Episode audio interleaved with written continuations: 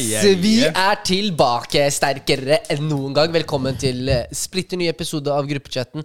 Med oss i dag har vi To Ray. Og du sitter også på mic-bord i dag. eh, Ja, yeah, du to, to Ray on the mixer. On the mixer. Ja, ja, ja, ja, ja. Mariam tok uh, ferie. Ja. Jeg synes det, ble- det ble for stor byrde for Vet du hva, Jeg begynte å sitte og tenke sånn Hvorfor bærer jeg på den helt alene? For no reason. Let me get these men to work! ja. Og så har vi med oss Meg med meg. Ja, ja. Og så Yeah. har vi med oss Yesin. Um, vi- I dag blir det litt Jeg tror det blir en bra episode. Vi prøver en ny spalte som heter eh, Fullfør setningen. Å. mm, Her har du også begynt med ny spalte. Vet du hva? inspirert Ja. av eh, Osman Det er Vi har, ingen, vi har ingen faste spalter nå. Nå er det bare Os- random bare greier hele tiden. Men ja, it is Ja, what ja. it is. Det er bra, det er bra. Det var på tide at vi økte kvaliteten her. Ja. Virkelig. Og så skal vi snakke om noe så interessant som boligkjøp. Så vi skal egentlig snakke litt om Er det egentlig en menneskerett å bo så sentralt i Oslo som det mange har til? Eh, og er bolig egentlig alltid en god investering? Og andre, litt andre problemstillinger også. Ja. Skal vi bare kjette i gang med Ja, hei. Jeg er game, ass. Er du klar? Kjør! Kjør. Så, første spalte, fullfør setningen. Og helt ærlig, helt ærlig, her jeg trenger dere egentlig til å bare svare så raskt som mulig. Så det er annenhver gang hvem som svarer eh, først. Ok? Eh, så jeg kommer til å si en setning, for eksempel eh, Dere skal avslutte, da. Vi starter Osman, så Mariam. Jeg liker Brød. Ferdig. ikke sant? Eksempel. Hvis det er det første han kom på i den setningen, så skal han få ut til å si det. Ok. Skjønte? Oh, ja, ok, ok. Ok, Så det er, ikke, det, det er ikke rett eller galt, men det Det er, er- det er faktisk et personlig spørsmål. Personlig spørsmål. Ok, ok, ok. Ok. ok. Og så har jeg noen som er litt sånn utfordrende mot slutten. Vi skal se hvor komfortable det blir. Kanskje vi må redigere det vekk. I know I'm already out. Ja. Ja. Åh. Ok, er dere klare? Jeg jeg er spent, ass. Hvor mange spørsmål er det? Eh, nei, det er Jeg har seks setninger. Ok. Men Er det førstemann til å svare, eller er det Nei. bare Nei, nei. Osman og så meg? Osman, så deg. Og så neste deg- også setning. deg? blir- Nei, Skal nei, ikke du jeg- svare? nei, Å, ja. for jeg har jo lest alle. Ok, da hadde sånn, jeg ja, kunnet ja. forberede Ja, det er svarene sant, mine. ja. Det er ikke så gøy. Ja. Så først er det Osman, så Mariam. Neste setning Så så er- spalten her er faktisk bare for oss to. Ja, den er kun Wow. for dere. Damn. Dere er spesielle Bare for for meg. oss. ja. Jeg er glad i deg. Jeg er glad i deg også. Yeah, I'm not Tore. gonna say it. Okay, yeah. Å si det, Ja. Du ja. let's continue. let's, let's work. Så, Osman, er du klar? Ja.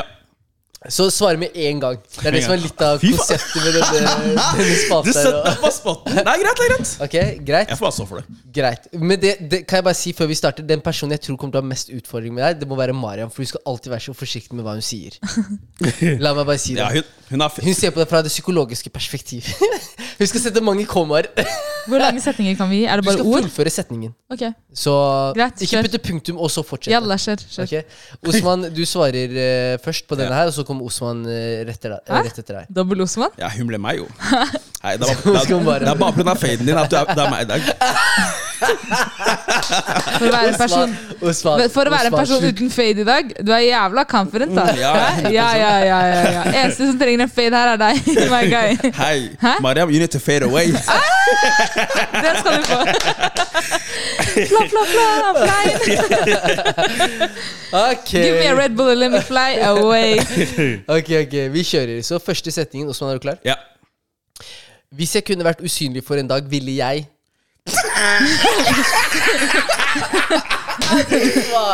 you set me up! Jeg er der!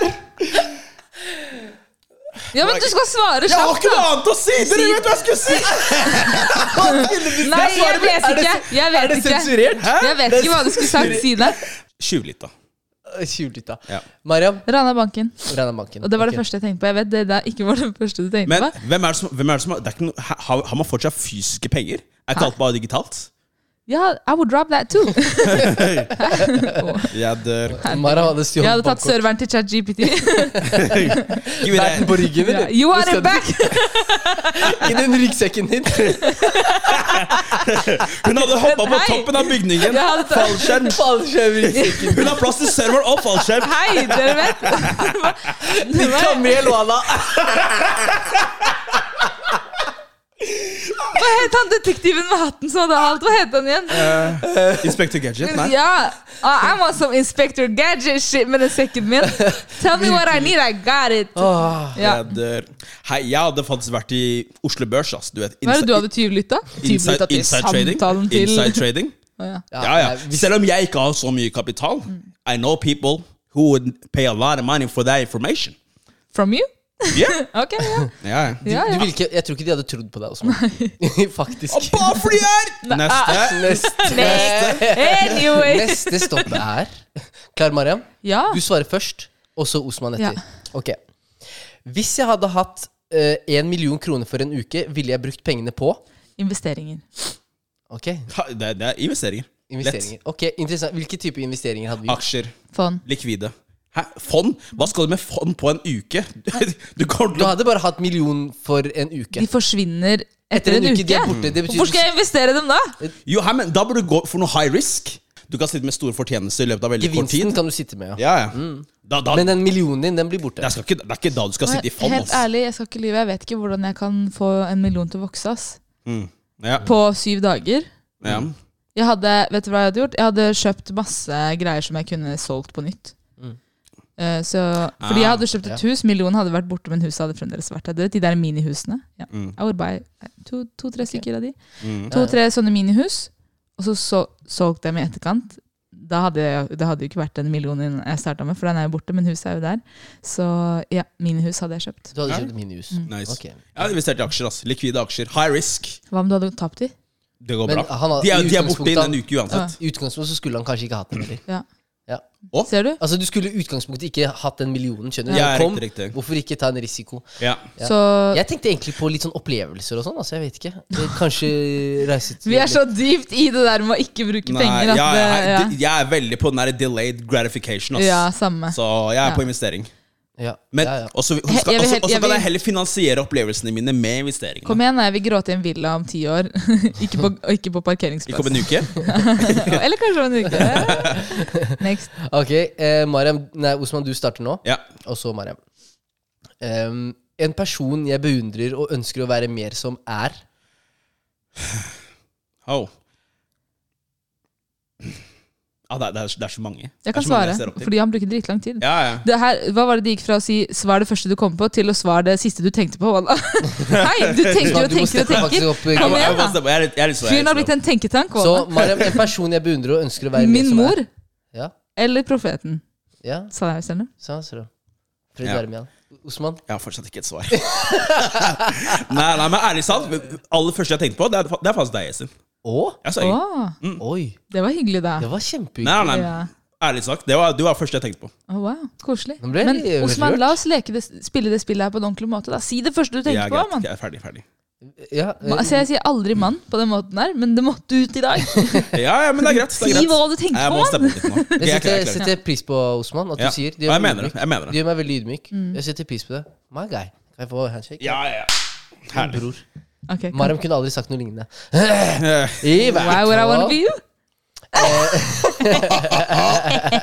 Nei, da. Ok, greit. Ok, okay. okay. Ja, du har eh, mange fine kvaliteter, Yasin. Takk skal du ha. Jeg setter pris på det. Kan jeg, kan jeg ta Osman nå, siden han ikke gjorde det ordentlig i Ja, forrige? Så Osman med en gang, da. En gang. Come on. En gang. En ting jeg aldri trodde jeg skulle oppleve, men som jeg faktisk gjorde, var Det var å Ah. Nei, nå, nå kommer jeg faktisk ikke på Ok, første jeg tenker på um, um, Snakke med jenter med selvtillit. Snakke med jenter med selvtillit. Ja. Ah, Ja, det var fin. den var faktisk ganske bra. Den, den likte jeg. Mm. Ja, fordi utgangspunktet er noe noe annet. Vi kan gå, gå nærmere på det. Mariam? Å reise så mye som jeg har fått gjort. Åh. Du føler du har vært veldig heldig? Ja, fordi ehm, når du er en muslimsk kvinne og bruker sjal, så har du et litt annet utgangspunkt. Eh, både fra samfunnet, men også i forhold til restriksjoner og den, den andre, som du Mm. kanskje har vokst opp med. Eh, og da jeg, kan jeg, kan jeg, Vil du ha utdypningen? Ja, ja, ja. Gjerne. Da jeg vokste opp, så var det ingen jeg kjente til som hadde reist på den måten jeg har reist på. Som brukte hijab. Ikke sant? Det var en helt annen tid med sosiale medier da. Det var veldig få muslimske influensere med sjal. Ikke sant? Det var gjerne, Hvis man reiste, så reiste man kanskje med en partner, eller noe sånt. Men jeg hadde ikke sett noen, noen jenter som brukte sjal, sånn som meg, som hadde reist på den måten jeg hadde reist på. Der du gjerne Mm. drar på liksom en tur til flere land samtidig, og, og, gjerne drar til de landene jeg dro til òg. Så jeg føler meg veldig takknemlig for at jeg fikk det, og det var liksom en drøm å få det til. Mm. Veldig Eh, og ja, åpnet så mange dører, og for min del, da. Ja, ja. Skal jeg tenke på at det har gitt deg en god, god dose selvtillit også. Mm. Og du har vokst jeg føler også, du har vokst veldig på det. Du er jo veldig sånn av, av de jeg kjenner, så er du kanskje den personen jeg føler ikke tilhører én kultur, Mm. men Jeg gjør gjør jo faktisk ikke det, da. Ja, du, du, du Even if I wanted to, Ja, ja. I don't. Men, Men, ja. men mange flere enn to, ja. føler jeg. Ja, ja, Ikke sant? Og det, det tror jeg har kommet veldig mye av at du har reist. Og Mm. liksom kanskje det er der også reisegleden din kommer fra. ja, ja, absolutt. Jeg er veldig nysgjerrig, egentlig. Og veldig sånn Og jeg elsker å utfordre meg selv, det er vel kanskje det. Men en annen ting som jeg også syntes var veldig fint, var um, da jeg var i Marokko i sommer. Jeg vil bli en I fjor, sommer i fjor. Ja, skjæra til en jente jeg møtte det der. Eh, vi satt og snakket sammen, hun er fra Norge. Og hun sa at hun i samtale med foreldrene sine Jeg vet hun lytter til podden, så skjæra til deg. Men hun sa i samtale med eh, foreldrene sine så brukte hun meg som eksempel for å kunne reise. Og i dag er hun på andre siden av jorda og er på Så utveksling. gøy. Hvor kult er ikke det? Det er skikkelig gøy. Så du ble på en måte en sånn eh, Du ble et eksempel på at det, det går, og det er trygt. Og, Ja. og hvis man planlegger godt, så er det liksom Ja, Da fungerer det. Det er det som ofte er vanskelig når du er i eh, Nå ødela jeg litt den spalten, men jeg sier det ganske kjapt. Når du er i et nytt land, og ikke mange ser ut som deg, så er det også veldig vanskelig å finne referansepunkter. ikke sant? Mm. Og det der med å vite at okay, hvis hun fikk det til, og hun klarte det, og det gikk bra med henne, så hvorfor skal ikke jeg klare det? Ja. Det gir en sånn økt trygghet, og spesielt for foreldre. Så det var så vakkert å høre av henne at, at jeg har vært det for henne, fordi jeg skulle så sårt ønske at jeg hadde en sånn selv, hvis dere skjønner hva jeg Jeg mener. Mm. uh, så for meg er det ja, så så takknemlig for at jeg kan være det for noen andre. da. Mm. Jeg Ja. tenker også det er risk. ass. Tenk om vi kommer tilbake med en Ja. arm mindre, og alle hun sier det sånn bare. Eh. Men jeg var eh, Osman, jeg synes at du, du nevnte noe kult også, for det sier litt om Mm. hvordan du var før. Det At du Ja. aldri skulle trodd at du kunne prate med jenter med selvtillit. Ja. oppleve det. Ja, fordi det som er tingen altså, det- jeg blir over, eller Det er veldig mange som blir overrasket når jeg sier det her. Men jeg, eh, under, gjennom barndommen så var jeg egentlig veldig Veldig ensom og hadde egentlig ikke så veldig mange venner. Jeg slet med veldig veldig dårlig selvtillit. Og jeg visste egentlig ikke helt hvem jeg var. Jeg var egentlig veldig opptatt av å kopiere alle andre og egentlig bare gjøre som alle andre. Jeg tenkte liksom at for meg, for meg så så det ut som at alle, hadde, alle andre hadde på en måte funnet ut av hvordan man skulle navigere seg gjennom vil, eh, livet, snakke med folk, snakke med jenter og de greiene der. Så, og jeg klarte liksom selvfølgelig å få meg noen venner til slutt, og det var jo da primært gutter. Men da det kom til å prøve å få seg noen venninner, så var jo det helt, helt annerledes. Eh, og spesielt liksom eh, altså, jenter som liksom hadde selvtillit. Det var jo én ting, men det å på en måte kunne snakke med, snakke med dem med selvtillit selv var jo liksom en helt annen sak. Allikevel, du fikk den bra kona, da. Ja, hei, virkelig. Wow. Nei, jeg, jeg, jeg, vet- til, til det, jeg vet ikke hvordan jeg fikk det til. Anyways, you still Hvem kjente chatta for deg? Hvem slida DM-en for deg? Helt ChatGPT, yeah. Han automatiserte Make a den chatten. conversation where I sound confident. yes, det, nei, nei, virkelig, virkelig. Jeg er glad for at du kom på et riktig tidspunkt. Altså, egentlig, Fordi det, det var egentlig på det tidspunktet hvor jeg begynte å bli kjent med kona mi, hvor jeg faktisk merka en sånn tipping point for min del. da Så bra. Jeg, jeg følte liksom ikke at eh, Det kan jo også ha noe med måten hun tok meg mot også på. At hun rett og slett eh, At hun tok meg for, for den jeg var, egentlig. Og at, at jeg egentlig på en måte ikke kjente sånn press om å late som at jeg var noe annet. da så, så, så hei, kona mi skal faktisk ha veldig, veldig stor takk for det. Altså. Ja, Nydelig. Kult. Nei, det er kult, Ja, og, og en liten sånn takeaway message også er hvis du ikke føler at du skinner i en oppgave, eller at du ikke mestrer en oppgave så godt, eller ja, er eh, selv, selvsikker i en oppgave, så kan det snu. Mm. Det kan det. Ja. Veldig bra. Så uh, uh, nummer fem. Mariam, klar? Jeg er bare spent på når de greiene du tenkte at skulle ut av episoden, De, kommer. de kommer nå. Nei! Eh, Ok? Ok, Det kommer nå. Vi får se hvor, hvor mye dere faktisk tør. ja. for meg høres det ut som det var første spørsmål. ja. Det, litt avhengig av hva du egentlig skulle svare. Vi får se. Ta det etterpå. Jeg da, tror ikke det var å tyvlytte. Så er litt svaret det første du tenkte på. Fy søren, ass. Take Men- me out of here. Men i hvert Få fall, meg Mariam, ja. Mariam, er du klar? Ja. Ok. Det er én ting jeg skulle ønske partneren min var bedre på, og det er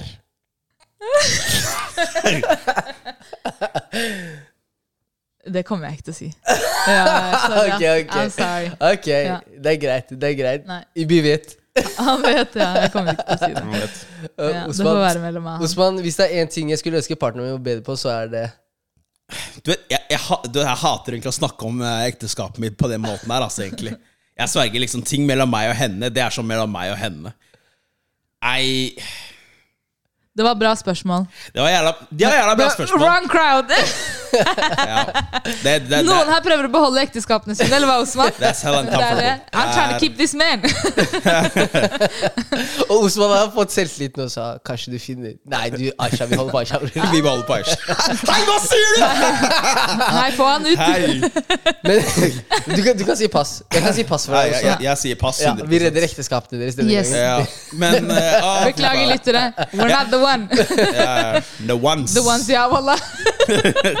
Jeg hørte Never mind. Yeah. I'll take it. I'll take Osman, du svarer først på denne, og det er den siste. Yeah. Uh, vi får se om dere tør den her, for for det handler ikke om partneren deres. Det handler om dere. ok. En setning jeg aldri trodde jeg skulle si, men som jeg sier nå, er Kan du ta den? Jeg er 28 år, og jeg starta min egen bedrift. Ah. Nei, men helt legit. Ok. Ja, bra. bra. Jeg, jeg hører deg. jeg hører deg Mara? Hæ, prøvde du, skal det være lættis svar? Nei, det kommer an på hvorfor ler du så mye? Det er som- fordi Jeg vet ikke hva Nei, nei, nei, nei. Jeg så du lo, og så posa. Ja, men det er bare du lo, så jeg tenkte Ja, her, jeg venta på noe bra. Nei, nei, hei, Det ble noe- dypt, jo. Jeg hadde ikke noen syke tanker. Ja, men La meg ta noe lættis, Vær da. så god. Følg meg på LinkedIn. vi, vi drev noe sykt om LinkedIn. Fy søren. Markedsføringslæreren min da jeg gikk på videregående, var sånn som fikk alle til å lage en LinkedIn-bruker. Hun var sånn LinkedIn, det er det nye store eh, innenfor liksom, bedriftsverden. Når du skal ut i arbeid, ha en LinkedIn. Så alle måtte lage en LinkedIn, eh, and it was just there. Og, og jeg merka at hver gang jeg søkte en jobb, så søkte folk meg opp på LinkedIn. Ja. Selv liksom typ seks, syv, åtte år siden. Mm. Det er faktisk eh, Jeg, jeg er helt enig. Men LinkedIn følg meg på LinkedIn, det er ja. lættis å si. Ja, ass. ja. Sånn, jeg følg meg på LinkedIn. Det er ikke det samme som å si Mm. Eh, legg meg til på Facebook Ja, eller følge følg meg på Insta. Det er ikke så personlig. Men åpenbart så har nettverket ditt endret seg. da Fordi jeg også merket det når jeg begynte å jobbe og kom, er mye i sånn jobbtreff, og sånn så blir det ikke Insta og, og Face. Det blir Ja. 'Hei, eh, er du på LinkedIn, eller?' Ja. Eh, for man snakker veldig mye om karriere. Og Ja. da er det også naturlig at man henvender seg til den plattformen. Ja. Men veldig kult. Vet du hva? Eh, veldig bra. Jeg så for meg at det skulle komme noe morsomt og noe eh, Ja. annerledes. Hva trodde Eh, du? Sorry. Jeg, jeg skal We're ikke si jeg trodde. jeg, skulle ikke, jeg skal ikke si hva jeg trodde. Osman, he's, he's a changed Kanskje, man for, for the pod. kanskje, kanskje off record. Off record. Off record. vi tar det etterpå. Vi tar det etterpå. Ok, vi kjører til uh, hovedtema. Kan jeg stille deg et spørsmål? Mm. Ok, Nå vil jeg at du skal fullføre setningen. Eh, Jo da. Det Er du er min spalte. Jeg vil ikke! Jeg, det føltes ikke godt. Ikke? Det kjentes faktisk ikke godt. Men du kan si pass, Jesin. Okay. Du kan si pass. Ja, Er du det- klar? Ja. En kvalitet ved meg selv jeg ikke setter pris, pris på, er Oh. Jeg vil at vi alle skal ta den, for jeg har ikke rukket å tenke Ja, på det selv. Okay, selv. At uh, jeg sliter med å si oh. nei. En- Ja. At jeg får dårlig samvittighet på andres vegne. At jeg er en Nei, nei, nei, nei, so- sorry. Jeg blir flau på andres vegne når jeg vet at andre blir flau. What? Second hand embarrassment? Ja, så la oss si det, er la, ikke det en vanlig greie? Hæ? Er ikke det vanlig? Ja, men det er, ikke, det, er ikke alle som gir, eh, det er ikke alle som bryr seg så veldig mye om det. Å, ja. Ja, men sånn, La oss si at jeg har lyst til å spørre deg om noe, men idet jeg spør deg om noe, så vet jeg at du kommer til å bli litt grann flau. Så da blir jeg flau av å spørre om det, og lar heller være å spørre om det. Sier mening. Ja. ja, jeg skjønner. Ja, Og Mariam? eh, at jeg er en tidsoptimist. Eller jeg kaller det tidsoptimist. kaller det noe. Er det en kvalitet? Som jeg ikke setter pris på med meg selv. Mm. Mm. Kult. Jeg er enig. Kult, kult, kult. Bra spørsmål, Du er enig? Jeg er Ja, herlig. Jeg er enig. Så jeg har, vært, jeg har vært ærlig. Gjør noe med den. Ja, jeg, gjør- men jeg gjør noe med det. Jeg, var, I dag jeg, var jeg kom hit før tiden også. Ja, ett minutt, to minutter. Nei, tre. Ah. ok. Vi går over til eh, 1757! Vi går, går over til hovedtemaet. Vi skal Ja. snakke om bolig. Yes, Så vi skal snakke litt om eh, bolig. Det har vært etterspurt, eh, faktisk, men da nærmere knyttet til hvordan komme seg inn i boligmarkedet. Men jeg tenker det hadde vært interessant Kanskje vi kan vinkle det litt der etter hvert, men også snakke om boligmarkedet generelt. Fordi det er jo ingen eh, tvil om at vi ser en en ekstrem boligprisvekst, spesielt i Oslo. Jeg vet ikke hvordan det er, ligger an i resten av Norge, men det, i hvert fall, det har ført til bekymringer både til, liksom, for de som allerede har bolig, kanskje boligboble. ikke sant? At man får et sånn drastisk eh, fall i boligmarkedet. Og for andre utfordringen med å komme seg inn i boligmarkedet eh, i, i, som, i forhold til det å ha for mye lån med renteøkninger osv. Så, videre. så um, eh, først og fremst, hvis vi tar veldig kort nå, hvilket inntrykk har dere av boligmarkedet i dag? Vi får sånn, dere får Hvor Noen i sekunder. Norge, Oslo Vi kan ta Oslo som et utgangspunkt. da Ja, jeg, jeg, jeg personlig føler at eh, situasjonen i Oslo har egentlig blitt ganske latterlig. Jeg føler virkelig at det er slik at Altså For det første så er det vanskelig å få, få tak i én leilighet alene. De billigste boligene er det gjerne veldig stor krig om, fordi ja, man, man kriger gjerne om de. Og så ser man jo ganske høye priser for relativt lav kvadratmeter som man får for boligen. Ok, bra. Så du mener det er latterlig, Mariam? Hva tenker du? Eh, jeg syns også det er latterlig. Eh, jeg synes det er, I hvert fall etter, eller i korona så har eh, boligprisene bare flydd i, i været, holdt jeg på å si. Eh, og det virker som det blir vanskeligere og vanskeligere å komme inn på boligmarkedet. Og også få lån, hvis man ønsker å få sitt første lån. At eh, jeg, jeg har hørt med en del at man, man syns det har vært veldig vanskelig å Ja, i hvert fall hvis man står alene eh, og skal få lån. Altså alene som enkeltperson, selv om du har en god inntekt. Og det var også et sånt, eh, en reportasje eh, i debatten der man snakket litt om typ, den gjennomsnittlige sykepleieren har ikke råd til eh, Har råd til hva var det, altså en skikkelig liten prosent av alle boligene i Oslo. Mm. Jeg tror det var bare var det 1 Nei, fi, altså, Ja, det. Veldig lav prosent, i hvert Ja. fall. Veldig lav. Det var under, det var under eh, 8 da. Ja. La oss si det. Mm. Un, altså at Hvis du har en høyskoleutdanning, du er, har blitt en sykepleier, jobber ute i arbeid, har en gjennomsnittlig sykepleierlønn, så har du bare råd til under hva, 8 eller Ja. under 5% Det er så sykt å tenke Ja, for, på. for man skulle gjerne tenke at hvis du har en gjennomsnittlig lønn, så burde du ha råd til en gjennomsnittlig bolig. Ja. Det er ikke, til, det er ikke tilfellet heller. Det er ikke tilfellet i det hele tatt. Du må faktisk ha en god lønn for å ha råd til en grei leilighet. Ja, og tenk deg hvis du da er under gjennomsnittet igjen, hvilke muligheter har du da? Ja. ikke sant? Så ja, konkurransen har blitt enorm. Ja.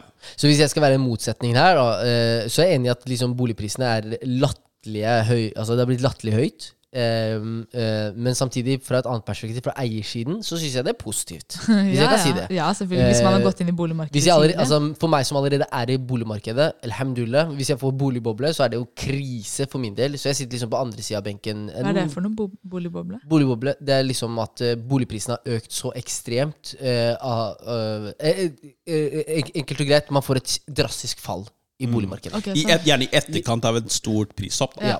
Så man får et drastisk fall hvor boligene plutselig ikke har så Men er det så ille hvis du bor i boligen selv? Ja, for det har jo veldig høyt lån. Ikke sant? Eksempel. Ja, la, oss si for eksempel, Ok, du, ja. la oss si du kjøper leilighet for eh, fem Ja. Mm. millioner, og du tar opp lån på eh, la oss si 3,5 millioner. da Og så får du boligbobla, og så drastisk fall. Plutselig så har du leilighet som er verdt 2,5 millioner, men du har lån på 3,5 millioner. Ja. Så, og det står du med. Men statistikken viser jo litt at det, er, det går opp. Eh, At the end of the day, den grafen Eh, går opp. Ja, for det kan, det kan ta oss til eh, første spørsmål der, eller første problemstilling, og det er Er bolig egentlig alltid en god investering? Hva tenker vi? Nei. Nei, hva, hvorfor? Altså det, eh, det jeg tenker er det spørs litt eh, hva du skal Altså hva alternativene er. Men bolig kan, ofte, kan hvis rentene er så høye, og man ser at det er et fall i markedet også, så kan det jo være at du egentlig hadde tjent mer på å leie og investere pengene dine enn å plassere de i bolig. Mm. Sånn For, ser for, jeg på det. for du binder altså det, Du tenker utgangspunkt La oss ta utgangspunkt i at hvis du skulle kjøpt lån i Oslo, så måtte du Mm. også kanskje hatt lån. Ja. Eh, la oss ta det som et utgangspunkt, så man treffer kanskje majoriteten av eh, lytterne våre også. ja. For de som ønsker å kjøpe bolig uten lån, kjør på.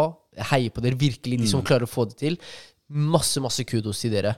Det finnes jo, Eh, det kan vi også snakke litt om, Obos kanskje. deleier Ja, Obos har et konsept som heter eh, enten leie til eie, eller så har de ja, eh, en sånn at du betaler et til, hva heter det, til, ikke tilskudd. Et innskudd. Mm. innskudd. Et innskudd på tilskudd. Jeg har blitt helt, helt blenda. Men at du, at du betaler et innskudd, eh, og derfor eh, blir resten av eh, lånet på borettslaget istedenfor. ja. Så det er også et annet alternativ. Men det Ofte krever, andels, eh, andelsleiligheter ja. med veldig stor fellesgjeld. men det krever også mer egenkapital. Ja. Eh, Men det kan være et fint alternativ til å ta tradisjonelt lån, da, Ja. til de som ønsker å unngå det. Ja. Ja. Eh, Osman, hva tenker du om at bolig er en god investering? alltid er Ja. en god investering. Ja, det, det kommer jo an på, sånn som Eram sa. Altså, det er jo, man må jo på en måte se litt på markedet. Du har jo, du har jo rentene, og så har du det naturlige eh, tilbudet og etterspørselen. Sant? Hvis man er i et tilfelle hvor det kommer flere boliger på markedet enn det er behov for, eller som de blir etterspurt, så er det jo gjerne et um, Så har man et klassisk eksempel på et prisfall. Men det vi gjerne opplever nå, er jo det stikk motsatte, spesielt i Oslo. De aller, aller fleste beveger seg nærmere og nærmere sentrum. Så befolkningsmassen i Oslo øker, samtidig som at det blir færre og færre boliger. Altså, det blir flere og flere boliger, men Etterspørselen er fortsatt for høy. ja, etters, etterspørselen er mye høyere enn det tilbudet som kommer på markedet. Ja. Og da fører det til at uh, prisene fortsetter å gå opp. Og er, er, Betyr det at du mener at det alltid er en god investering med bolig? Eh, stort sett. Stort sett. Jeg, jeg vil si det er flere tilfeller hvor um, det kan være en god investering med bolig. Ja, Altså, histo historien viser jo at eh, bolig så langt har vært en veldig god investering på lang sikt. Vi har jo, jeg husker ikke om Kanskje det var 2000 og Jeg tror det var 2016 2000, Mellom 2016 og 2018 så hadde vi et, bolig, et lite boligfall. Ja. fall, eh, hvor hvis man investerte på toppen der og skulle selge på bunn, så hadde man jo tapt veldig mye penger. Ja. Eh, men igjen, ikke sant? det viser jo at alle investeringer, når man snakker om både fond og aksjer osv., så, videre, så så reduserer man risikoen for tap over tid. Sånn er det også med bolig. Eh, Egentlig, som jeg har sett på statistikken, eh, hele Europa. Eh, ja. så, men men når, jeg- eh, fordi jeg valgte å se på det her litt annerledes. Når vi snakker om investering, så snakker vi ofte om eh, kapitalinvestering. Nummer én, du begynner jo veldig mye kapital. Altså egenkapitalen din er masse likvide penger du kunne egentlig brukt på aksjer f.eks. Eh, og generert også inntekter gjennom det. Men jeg tror også du må se på investeringen mentalt med det å ha et trygt sted å bo. For det er jo også en investering, ville jeg kanskje sagt. Mm. eh, selv har jeg opplevd å ikke ha et sted å bo i en periode, og det er, det er jo ikke trygt. Det er en av de, eh, et av de primære, grunnleggende behovene mennesket har. Det, det er et sted å bo. Et trygt sted å bo. Så sånn sett så kan jo, eh, så kan jo det å investere i bolig, eh, eller det å ha en bolig, være en god investering. Ja, akkurat der tror jeg ikke noen av oss er uenige, men hva, men hva hvis det er et tilfelle hvor det er snakk om at du kanskje skaffer deg en sekundærbolig, eller en tredje, eller fjerde, eller femte bolig, som en, invest, eh, som en investering? Da, da, da, da er det ikke plutselig snakk om trygghet sånn sett i form av et sted å bo. Da blir det snakk om en trygghet i form av å sikre seg selv økonomisk, og da sikrer du deg selv gjerne på bekostning av andre. Mm.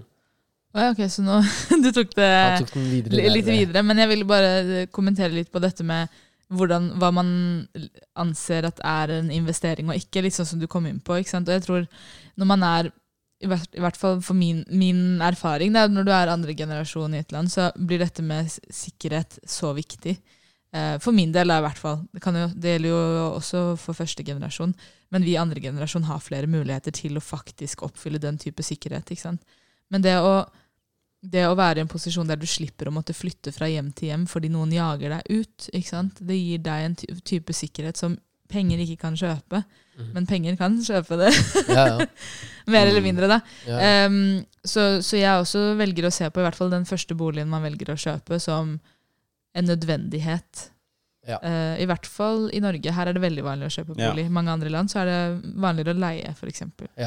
Så vi, vi, hvis vi bare kan uh, gå videre på det du starta med der, Osman. Ja. Det med å eie flere boliger. Er det egentlig galt å eie flere enn én bolig og tjene hva skal jeg si, godt på leiemarkedet? Det, Eller in, leieinntektene? Du Det er litt sånn blanda. Altså, la, la meg bare erkjenne at jeg forstår jævla godt at folk har lyst til å investere i bolig. Ja. Fordi, altså helt ærlig, når det kommer til investeringer, hva er, det man er, man er, hva er det man er interessert i?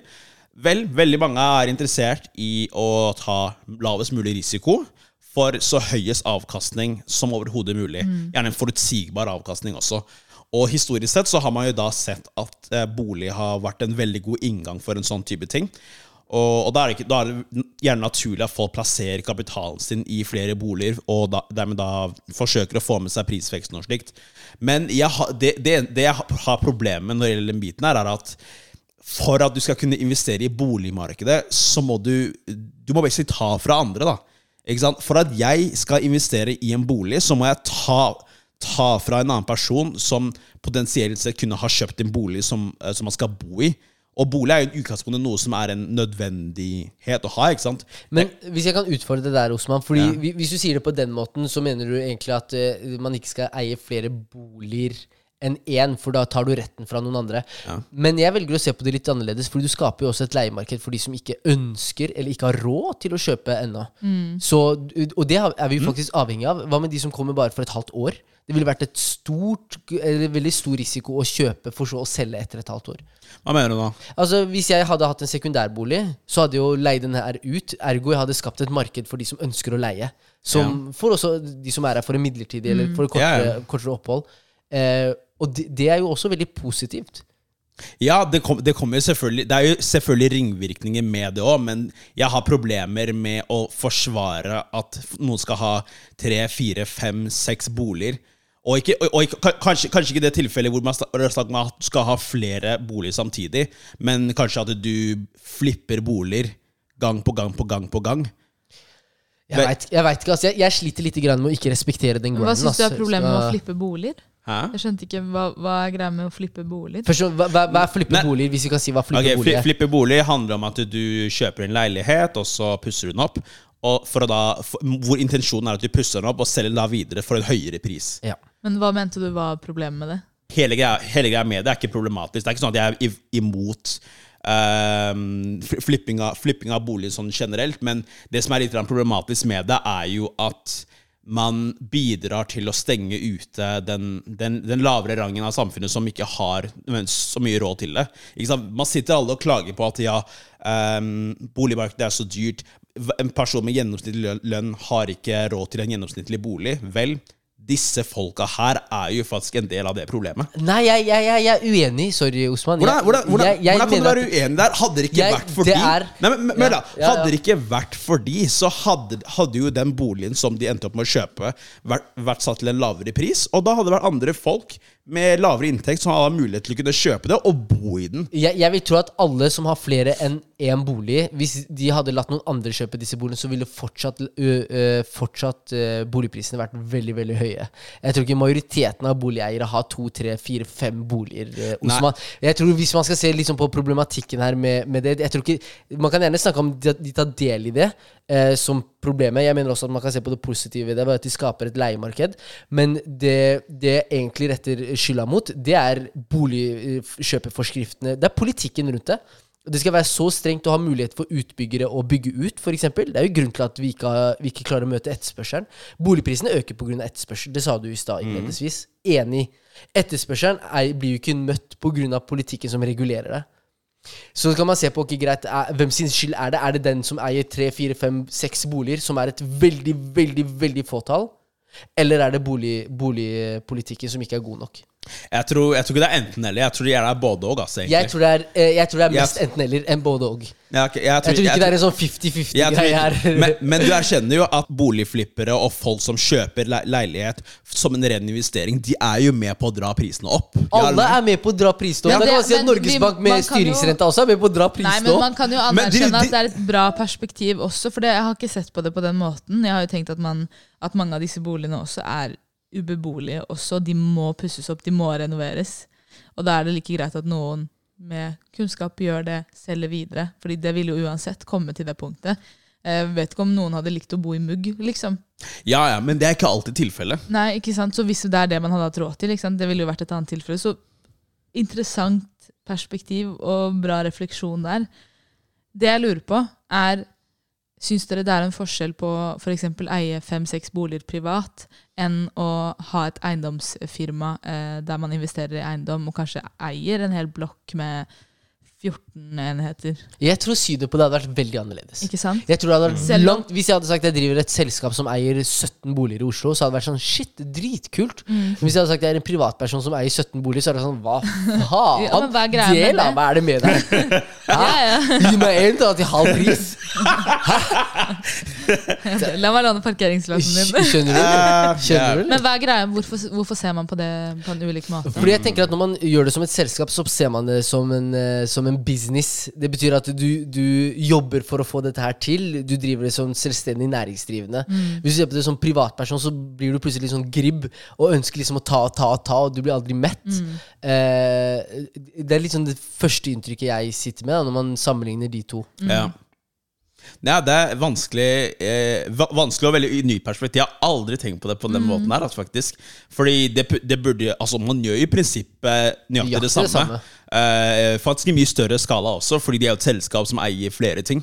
Ja, ja. Så, så ja. Nei, jeg har egentlig noe godt uh, svar på det, faktisk. Nei, jeg syns også det var litt sånn hm. Men, men Se, men litt, ja. hva tenker du, da? Nei, jeg også er litt usikker. Jeg, jeg hadde nok eh, Jeg ser ganske likt på det, jeg. Men, men, Hvis jeg skal være helt ja. Jeg tenker at det er det samme.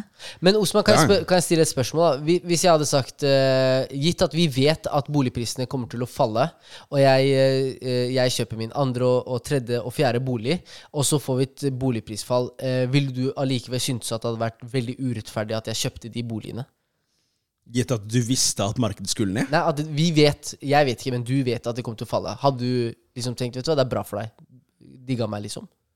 Hæ? Jeg forstår ikke. Altså, men ja. Fordi jeg, jeg tenker mer på risikoen ved å investere i flere boliger. Ikke sant? Sånn som Mariam sa i stad, Det er ikke alltid investering å ha en bolig. Ja. Ergo når jeg kjøper en sekundær eller tredje eller fjerde bolig, så tar jeg også en risiko hvor jeg kan potensielt møte en boligboble. Ikke sant? Eller Ja, ja. skikkelig prisfall i markedet.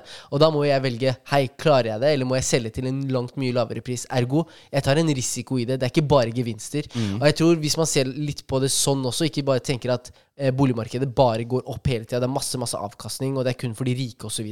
som skal tjene seg veldig veldig fett på det her, og heller tenke vet du hva, det er faktisk litt risiko å gå inn i boligmarkedet for noen òg. Eh, hvis de tar seg tjent til det, altså hvis de eh, klarer å tjene eh, noe kapital på det, bra for dem. Det betyr kanskje de har gjort noe riktig. Kanskje de har turt å ta en eh, risiko. Kanskje de kanskje har spart en egenkapital som har gjort det mulig for dem å få det til. Men hvis man, hvis man eh, ikke sant, En ting er jo risiko og fortjeneste, ikke sant? hvis man ser på det på, det eh, på grunnlag av det aspektet. Og så har du det perspektivet med hva, hvem som har råd til hva. Oslo er jo en hovedstad, ikke sant? og det er jo gjerne her prisene presses veldig opp. Eh, også i litt andre sto norske storbyer også ser man noen av de samme trendene. I andre storbyer i verden så ser man også mye av den samme utviklingen, og kanskje i mye større grad også. ikke sant? At boligprisene i sentrum eller i, i, i hovedstedene, hovedstadene presses opp. ikke sant? Mm. Kan jeg, en fun fact akkurat der, eh, Mariam. Kjør. Norge har vært et av de landene som har hatt høyest boligøkning uh, i, i hovedstaden de siste årene. Og det er fordi jeg tror at de andre store byene de har, eh, de har stagnert. Ja. For de hadde, de hadde den utviklingen vi har nå, Ja. hadde de for flere år tilbake. Ikke Så de er stagnert veldig. Ja, spennende. Så, så det man også uh, kan tenke seg da, er Norge, ikke sant? det skal være et land for alle. Vi, vi skal ikke ha store forskjeller. Hva skjer når man har så høye boligpriser som et resultat av at kanskje mange eier mange boliger i samme by og presset prisene opp? Mm. Og at Oslo bare blir en by for de rike, er Norge da et land for alle, når byen med mest muligheter bare er for de som har mest penger? Eller, eller kan man se på det som at det er en naturlig gang, og det ser du i alle land? Mm. Det er vel, ja, det er vel, det er vel egentlig mer sistnevnte tilfelle, faktisk. Prisene er som de er, og hvis, hvis altså, man skaper jo et marked med de boligene som man har og skaper. Og dersom det er noen personer som er villige til å betale for det, så, så, så, så er det ikke noe feil med å selge det. Og det er jo sånn at disse, disse folka som eier flere boliger og altså boligflippere, de gjør jo ingenting ulovlig. Altså, de har jo en frihet til å kunne eie og kunne selge og kjøpe nøyaktig hva de vil, og hvor mye de vil, så lenge det er innenfor lovens, uh, lovens lange arm. uh, og så er det selvfølgelig ikke sånn at loven direkte oversetter til etikk. ikke sant? Bare fordi noe er lov, så betyr ikke det at det er rett nødvendigvis. Men, men uh, man må ikke på en måte se på folk som kriminelle bare for at de velger å utnytte systemet til sin fordel. Nei, men Kan man si at man bor i en velferdsstat når hovedstaden bare er for de rike? Lever vi da i et land som prøver å minke forskjeller? Hva er det som aktivt gjøres for at man skal minke forskjellene, hvis Ja. de fleste ressursene bare er for de som har mest penger? Ja, det kan du si. Eh, Hvis jeg kan, eh, For jeg satt og leste litt på det her, og hørte på en podcast om det. Sånn en, eh, noe som på en måte jobbes med nå i, politikken, det er å etablere noe som kalles Oslo-boliger. Eh, og Oslo-boliger er et konsept liksom Obos, USBL og de store utbyggerne, hvor man ikke er kommersielle. Eh, fordi det er kommunen som skal eie det. Eh, 100% det, det egentlig forskriftene kommer til å ta for seg da, det er at de store utbyggerne, når de etablerer eh, boligprosjekter, så har eh, Oslo kommune rett til å kjøpe opp 25% av boligene og selge dem til en verdi hvor man ikke tjener penger. Det betyr at eh, de selges til en åpenbart lavere pris enn de kommersielle, eh, kommersielle selskapene. Og det er, det er jo et tiltak på, for å sørge for at alle kommer seg inn i boligmarkedet. Eh, uh, og ja, ikke sant? Det, er- det er det jeg syns på en måte at man må rette mer fokus mot politikken, og ikke uh, de som har penger og råd til å kjøpe flere, flere boliger. Fordi hvorfor, hvorfor, er, hvorfor er det så begrenset på størrelse boliger man kan uh, bygge? Utbyggere har jo noen regler de skal forholde seg til. Det er minimum antall kvadratmeter man får lov til å bygge. Eksempel. Det, betyr at, eh, det betyr at La oss si hvis minimum hadde vært eh, 30 kvadrat da, på nybygg. Det betyr at du må ha en viss Fordi kvadratmeterprisen er det den er. De kan ikke bygge 20 kvadratmeter lenger, sånn som de gjorde, gjorde før. eh, I sentrum spesielt. da så det er litt sånn, Men det du egentlig spør om, eh, Mariam, eh, hvis jeg kan eh, dra den litt lenger, er det egentlig en menneskerett å bo i Oslo? Ja, jeg spør deg. Vi snakker om velferd, men er Ja. det egentlig rett å bo i Oslo? Ikke sant? Menneskerett er jo én ting. Ikke sant? Også, og, Og det sånn, korte svaret er jo nei. Det, det, er jo, det er jo ikke det. det, er- det er jo ikke direkte en menneskerett, men spørsmålet er jo hva slags samfunn ønsker man å bygge opp. ikke sant? Og i forhold til det du sa om at man kanskje Oslo kommune snakket om at de skulle ta en andel, eller ja, og så selge de til rimelig pris. Problemet er jo det fremdeles hvis man har lov til å kjøpe x antall boliger. Hvis det ikke er noen begrensninger på hvor mange boliger du Nei, kan men de, eie. de selges til Så- de som åpenbart har behovet. Ok, ja, så de går gjennom et system. Okay, sånn, ja. Det er ikke ja. de rikeste kan ikke komme og kjøpe fra Ja. Oslo. Oslo-bolig blir på en måte en, en forlengelse av tiltak for de som ikke kommer seg inn i boligmarkedet. Ja. Jeg, jeg skal være helt ærlig, jeg tenker at det burde vært bare sånn umiddelbart, burde vært en grense på, hva på hvor mange boliger du kan eie i hovedstaden spesifikt. Mm. Interessant. Fordi det er her ting skjer Ja, ja. i utgangspunktet. Det her er liksom samlestedet. Det her er, ikke sant. Du vet Jo mer du snakker om det her. Mari, men jeg blir så faen, jeg må kjøpe meg sekundærbolig. Før det, før det er for Før det er for sent, før det ikke er mulig lenger. Ja. Bare kjøp et minihus. No. Virkelig. Bare plasser det øh, sånn øh, Hva heter det? Sånn strandhus? Ja. Sånn havhus? Som bare ligger og flyter på havet? Det blir litt sånn etter hvert. Men øh, sånn Da må du ha ha haveplass. Ja, det må være båtplass. Ja, båtplass. båtplass. Men- Men, hvis, snakker, hvis vi snakker om boligmarkedet, la oss se på hvordan København er. For eksempel, da. Ja. I København så er det ikke normalt å eie. Mm. Majoriteten av de som bor i København, de leier. Ja.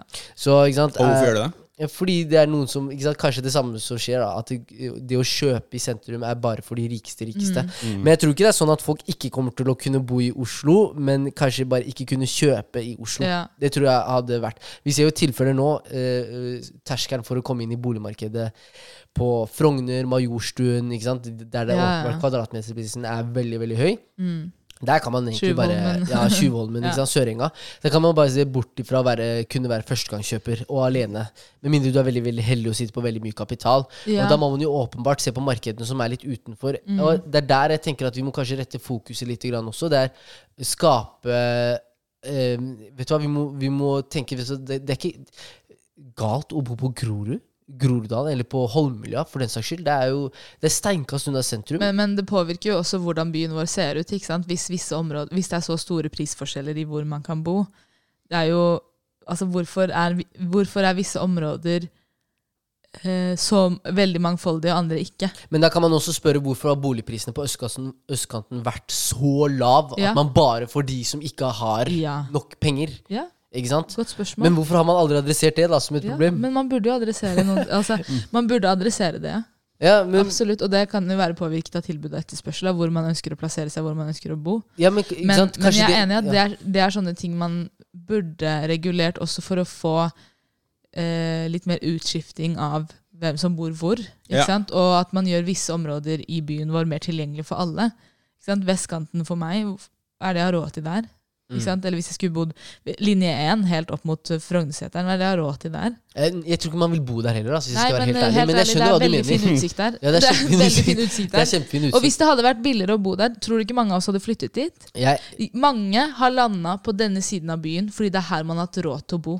Jeg, jeg, jeg vil ikke sagt det samme om Holmlia, altså, hvis jeg skal være helt ærlig. For de som bor på Holmlia, naturomgivelsene på Holmlia, de er helt, helt fantastiske. Og det er sykt at folk ikke har lagt merke til det. Jeg vil helst la det være sånn. Men for folk jeg vil ikke ha de rikeste rikeste rikeste som ja, kommer til Holmlia. sant. Skjønner du? Men, men de, for folk som ikke har vokst opp eksempel på Holmlia eller på beste østkant, eh, og som skal kjøpe første bolig, ender som oftest opp her, fordi det er her man har råd til å kjøpe noe. Eller la oss si Men er det familier, da.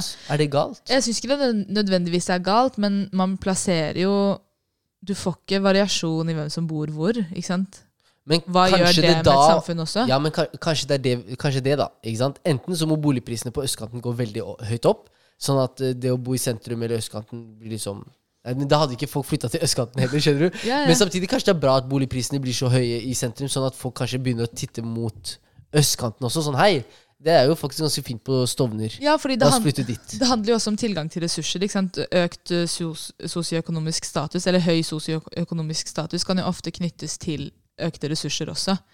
Ikke sant? Eh, hvem er det som eh, sørger for at kunstgressbanen eh, fikses og ryddes? Oslo eh, kommune. Ja, men at, ok, hvem er det som sørger for idrettskrets. Hvem er det som skriker høyest, da? Ja. Det er ofte de med mest penger som skriker høyest. ja. Fordi de har også mer makt. Men, men, det er en annen de. diskusjon. Til, tilbudet er jo noe helt annet på diskusjon. vestkanten enn Ja, det er på det er jo østkanten. det, jo, det, det- men, men, men man Det er en lang diskusjon. Det er en ja. lang diskusjon. Man ser på idrettstilbudet er noe helt annet. Når du Ja. har betalte trenere for eh, fjerdeklassinger på barneskolen Ikke fordi sant? foreldre er villige til å betale en veldig Ja. høy uh, årskontingent. Ja. For, altså, Versus mener- ungdom på østkanten som har frivillige har- foreldre som kommer. Og som kanskje til og med har eh, ja, kunstgressbaner som, Ja. Som sliter. Ja. Ja. Men, men hvis vi kan avslutte den her, for nå skal vi snart runde av. Eh, og, eh, eh, tips og triks til å komme inn i boligmarkedet for eh, førstegangskjøpere. Eh, vær målorientert. Veldig. Eh, det er krevende. Sett deg gode, gode, konsise mål. Hvis det er vanskelig å komme inn alene, finn ut om det finnes mulighet for å komme inn sammen med noen. Eh, og husk at hvis du skal komme inn for første gang, så må du mest sannsynlig ofre noe annet. Mm. Ikke sant? Mm. Eh, du kan ikke både få i pose og sekk, dessverre, selv om det også hadde vært hyggelig. Det må som oftest gå på bekostning, bekostning av noe annet. Og så et annet En annen ting jeg har tenkt litt på sånn Det vil jeg diskutere. Jeg kan diskutere det med deg etterpå. Jeg kommer, jeg Privat? Nei, Ja. jeg vil, jeg vil diskutere det her. Oh, ja. Ok, hvis du, har, hvis du hadde tatt en bachelor og årslønnen din hadde vært 450 000, Mm. men du også kunne funnet deg en, en jobb uten en bachelor, eller også kunne fått en 450 000. Ville du jobbet, tjent opp penger, kjøpt en bolig, og så gått på utdanningen og fått utdanningen din? Eller ville du begynt på utdanningen først, og så bygd, bygd opp karrieren din, og så kjøpt en bolig? Mm. Mm. For min del, jeg hadde Spør, spør nå. du, jeg, Jeg jeg, spør jeg hadde jobbet. Ja. Mm. Jeg hadde jobbet og så kommet inn i boligmarkedet, for så å, oh, ja, okay. å, å studere. Fordi, Ja. Hvorfor hadde du gjort det sånn? Jeg, jeg føler på en måte at det hadde gitt meg en, eh, en trygghet i det. Eh, For min del så betyr liksom bolig at jeg har tak over hodet, et sted å dra, Ja. uten å trenge å bli kasta ut hjemmefra uten Mm. at jeg vet når. Eh, det gir meg en sånn en ro. Ja. At for meg så hadde det vært det. Jeg gjorde jo faktisk det da jeg var sorry, 23. Sa du at du skulle jobbe først, og så ta utdanning? Jeg, jeg hadde jobbet først, kjøpt meg bolig, og Og så, så tatt tatt utdanning? utdanning. Ja. Hva med deg, Osman? Jeg er helt enig. I hvert fall med tanke på måten beregningen av finansieringsbeviset ditt Ja. er satt opp, som da er det, det eventuelle lånet som man får fra banken, så er det jo fem ganger årsinntekt minus, eh, minus gjeld. Ja. Eh, før du studerer, så har du mest sannsynlig ikke noe studiegjeld eller lån eller noen ting. Og da er det, er det mye lettere for deg å racke opp den kapitalen i mye større grad. Uh, og samtidig, samtidig så er det sånn at det er Jeg tror det er mye enklere å rett og slett bare gjøre det før du på en måte har de store forpliktelsene, forpliktelsene overfor deg. Ja, og ja, jeg, jeg er enig, og jeg tenker også at hvis man ser den utviklingen som boligmarkedet har hatt nå, så ville boligen din i utgangspunktet gått opp i verdi mens du satt og studerte. Sant? Fordi du allerede har investert tidlig. Og er det ikke vet, Er det ikke en sånn ordtak om at å gå inn i markedet tidlig er bedre enn å vente på det rette tidspunkt, eller et eller annet sånt? Ja, Yeah, it's better with time in the market than timing the Ja, markets. takk, og takk Osman. Veldig bra. Ja, ikke sant? Og det, og det er også ganske interessant når man, når man tenker på når man skal investere. Ikke vent med det, liksom. Mm. Så jeg ville også gjort det på samme måte, uh, og så heller tatt graden. Og det er interessant, fordi det er litt, en litt utradisjonell måte å tenke på. Det er det. det, er det absolutt. absolutt. Men det er, også, det er ofte fordi det er litt sånn fy-fy å etablere seg før Ja. man begynner på skolen. Man skal ofte være ferdig med Ja. alt sammen før man eh, Ja, men det handler, Ja. men det, Flytt hand, det handler veldig mye om financial literacy. Fordi man Jeg, jeg tenkte ikke sånn Jeg sier det her nå, men jeg tenkte ikke sånn selv i det hele Ja. tatt på det tidspunktet hvor jeg studerte selv. Ja, Så det handler om hva man er eksponert for, og hva man snakker om. Nei, jeg, jeg, jeg gjorde jo det. mm. Jeg gjorde jo det. Jeg studerte, eh, studerte og så tok jeg pause, Ja. jobbet, og så eh, Mm. Og jeg kjenner til flere som har gjort det på den måten. Ja. Så smart. Ja. Altså, Hvis man får den muligheten, hvorfor ikke? Ja. Eh, og så er det jo fint å ta den graden til slutt, fordi du vil jo gjerne ha noe å i hvert fall kunne bygge deg videre på. Men Mm. da har du sikra deg i hvert fall med noe, da. Ja. For jeg føler at kanskje det med bolig er liksom det første jaget etter at man har fått seg jobb. Ja. Ja. Så hvis du klarer å liksom ha det, eh, og liksom gjort den investeringen fordi jeg mener jo at bolig er god investering. Ja. Eh, It is, it is. så, så har du jo Nå er det det. Så får man se hvordan det går. Hvordan det går. Ja. Eh, Osman, tips og triks til eh, førstegangskjøpere? Ja, eh, litt sånn i forlengelse av det du sa, Mariam. Eh, eh, jobb så mye som du kan, og bli, le bli hjemme så lenge som Ja. du rett og slett klarer. Fy, fy ass, altså Det å på en måte ta på seg leie, leie, leiekostnader og de greiene der, i, samtidig som at du skal liksom chase egenkapital, tro meg, du gjør veien for deg så mye vanskeligere. Ja. Um, og selvfølgelig hvis man har en veldig god grunn eller veldig stort behov for å flytte ut, så er jo det én ting, men du skal ikke se bort ifra hvor mye mer du faktisk sitter igjen med av å rett og slett um, jobbe og spare pengene dine og legge, plassere dem fornuftig. Og så tenker jeg også, imens du sparer, ikke rett og slett bare spar og spar og spar, men gjerne te plasser pengene dine i eh, sunne og fornuftige investeringer. Langsiktige investeringer. Um, det ville jeg, anbef jeg anbefalt, uten tvil. Kanskje litt avhengig av uh, sparehorisonten også. ikke sant? Hvis Ja. du sparer for en to-treårsperiode, så ikke plasser da er, det kanskje ikke nødvendig å plassere pengene i typ fond, som gjerne får avkastning Jo, jo. Du kan, jo, absolutt. Hvis du er avhengig av å få pengene om to-tre år, ville du plassert Du i kan, fond? du, kan, du kan selge pengene som du har i fondene dine, og få det med en gang. Ja, men det er da, ikke sånn at de det er mulig du- ikke får en avkastning på en sånn kort horisont. På to-tre år skal det veldig mye til for at du ikke skal få en Nå avkastning. har, det vært, på- nå har det vært nedgang eh, i markedet. Hadde du hatt det siste året, så hadde Ja. du slitt. Ja, Ja, men to-tre år, Ja, men langsiktig altså, Man vet ikke, det er vanskelig, tid ja. så reduserer du det er vanskelig. risiko uansett. Men, eh, Men, eh, eh, noen tips ja. eh, jeg har lyst til å dele. Jeg har skrevet noen her også. Og, Ja. og noen av mine egne erfaringer. Det er eh, til å begynne med, husk å spare opp egenkapitalen. Det er skikkelig skikkelig kjipt at når du ønsker Mm. å er klar for å liksom etablere deg, at det er egenkapital som forhindrer deg. Eh, er du student, spar stipendet ditt. Virkelig legg det i egen konto, hvis, med mindre du har, eh, har uh, bruk for det.